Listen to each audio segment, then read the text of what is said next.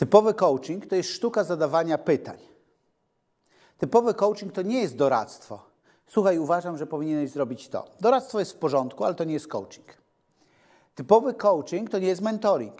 Czyli jeżeli chcesz założyć bloga, to potrzebujesz i wymieniasz punkty.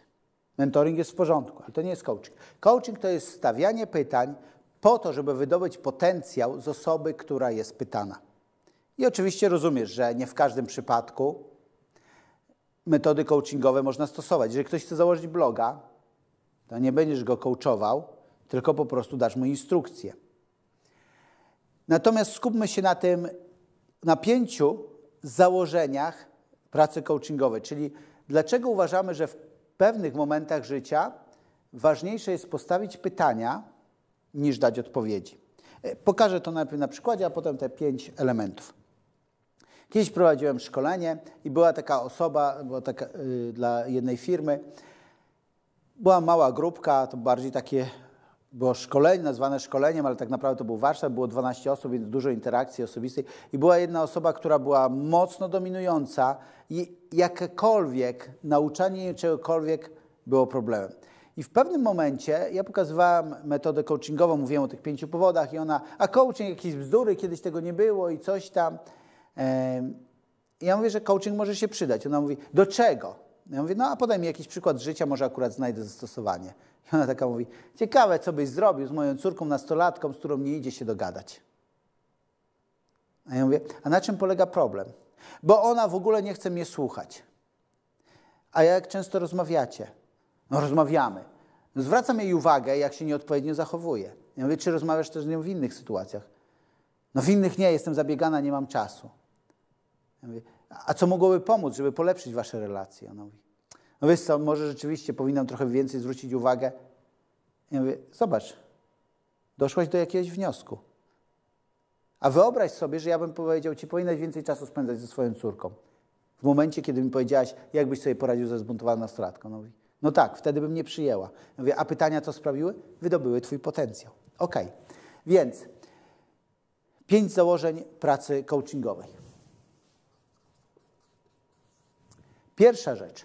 Zakładamy, że wszelkie potrzebne informacje są w osobie, którą coachujemy. Czyli jeżeli stosuję coaching, to mówię, OK, robię to dlatego, tak jak w tym przypadku, który opowiedziałam, że wiem, że ta osoba sama, jeżeli przyjrzy się swojemu życiu z boku, to zobaczy, gdzie popełnia błąd w relacji z córką i dlaczego nie mają ze sobą kontaktu. Pierwsze założenie. Te informacje są w osobie. Nie wiem, czy miałeś taką sytuację, jesteś gdzieś na imprezie ze znajomymi, rozmawiacie, wszystko fajnie i ktoś tam wbił ci szpilę, tak? No i ty coś odpowiedziałeś, odpowiedziałaś i on coś odpowiedział i ty. I nagle on wbił taką szpilę, że uh, czujesz, przegrałem, przegrałam. Nie chodzi o to, że cię bardzo obraził, ale w tej potyczce na słowa on zwyciężył. Wracasz do domu, dwie, trzy godziny, dochodzisz do siebie i nagle przychodzi ci dziesięć błyskotliwych odpowiedzi. Dlaczego nie przyszły ci wtedy? Dostęp do Twoich zasobów był zablokowany przez emocje. Odpowiednie pytania sprawiają, że odblokujemy nasze emocje i wydobywamy potrzebne informacje. Drugi powód.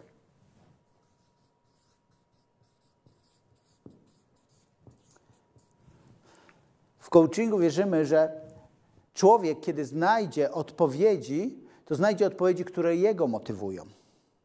Czyli ja mogę komuś powiedzieć: Słuchaj, załóż firmę, będziesz zarabiał dobre pieniądze. I to może być moja motywacja, że finanse, które masz, to jest coś fajnego, a on, kiedy będzie coachowany i powie: OK, chcę założyć firmę. Dlaczego chcesz założyć firmę? Chcę założyć firmę, żeby mieć więcej czasu. A po co ci więcej czasu? Żeby spędzać go z rodziną. I to może być jego motywacja. Wtedy odnajdujemy to, co jest w człowieku, a nie to, co my uważamy, że jest dla niego lepsze. Tak? Takie zdanie, które kiedyś usłyszałem i bardzo mi się podoba: idź swoim tempem, ale pozwól ludziom iść swoim tempem. Czyli ktoś, mo- ja patrząc na czyjeś życie, mogę powiedzieć: Wow, chłopie, zrób to i to i to, osiągniesz to i to i to, i to jest moje tempo, moje motywy. A w momencie, kiedy pytam jego, to on mówi mi o swoim tempie i o swoich motywach. I to tak się wydaje, że jakby wystartował od razu, to by poszło lepiej. Niektórzy rozkręcają się wolniej, ale kończą wspaniale. Trzeci motyw.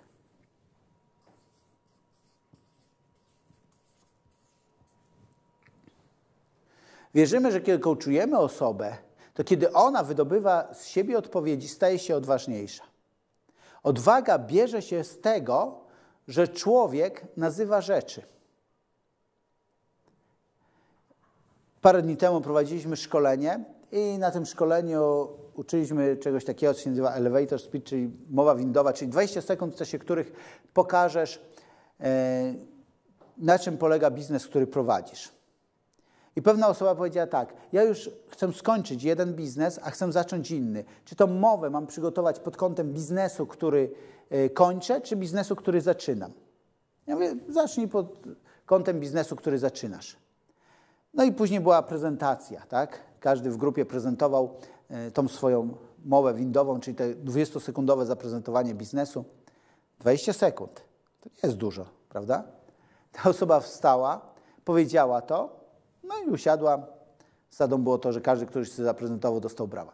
Skończyliśmy i ja mówię do was, jakie macie odczucia? I ona mówi ze łzami w oczach.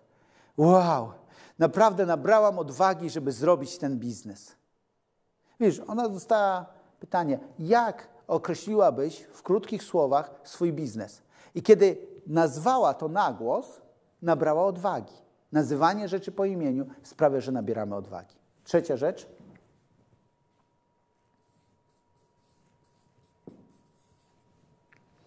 Kiedy kołczujemy osobę i stawiamy pytanie, ta osoba staje się lepszym liderem.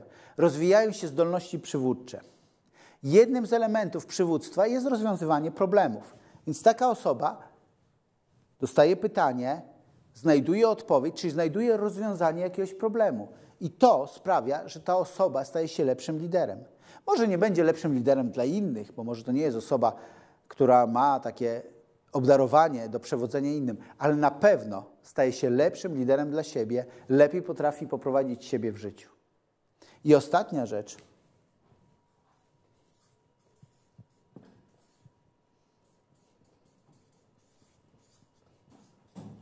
Wzrasta tożsamość tej osoby.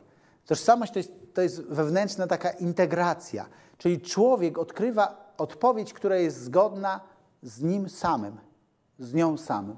To jest trudna sztuka w pracy coachingowej, ponieważ możesz mieć trochę inną hierarchię wartości niż ta druga osoba. I ta osoba coś odkrywa, nazywa i mówi, będę to robić, a ty myślisz, o nie, lepiej, żebyś robił co innego. To nie jest twoja działka. Twoją działką jest pomóc tej osobie wydobyć jej potencjał. I tożsamość, ta wewnętrzna integracja człowieka, zgodność tego, co myśli, tego, co odczuwa, z tym, co chce robić, sprawia, że człowiek może się rozwijać. Te pięć elementów to, to jest pięć bonusów, kiedy idziesz na coaching. Jest w porządku, jeżeli idziesz na mentoring, jest w porządku, jeżeli idziesz na doradztwo, na konsultacje, na wykłady, gdzie przekazują ci wiedzę, ale też czasami potrzebujesz, żeby ktoś za pomocą sztuki stawiania pytań wydobył z ciebie twój potencjał. Masz ten potencjał i on się rozwija. Potencjał trochę jest jak ziarno. Jeżeli wrzucisz ziarno, podlejesz wodą i będzie słońce, ziarno zacznie wyrastać. I tak samo Twój potencjał. Jeżeli to będzie dobra atmosfera, tak jak słońce dla tego ziarna, jeżeli będą to właściwe pytania, tak jak woda dla tego ziarna, wtedy Twój potencjał w pełni się rozwinie.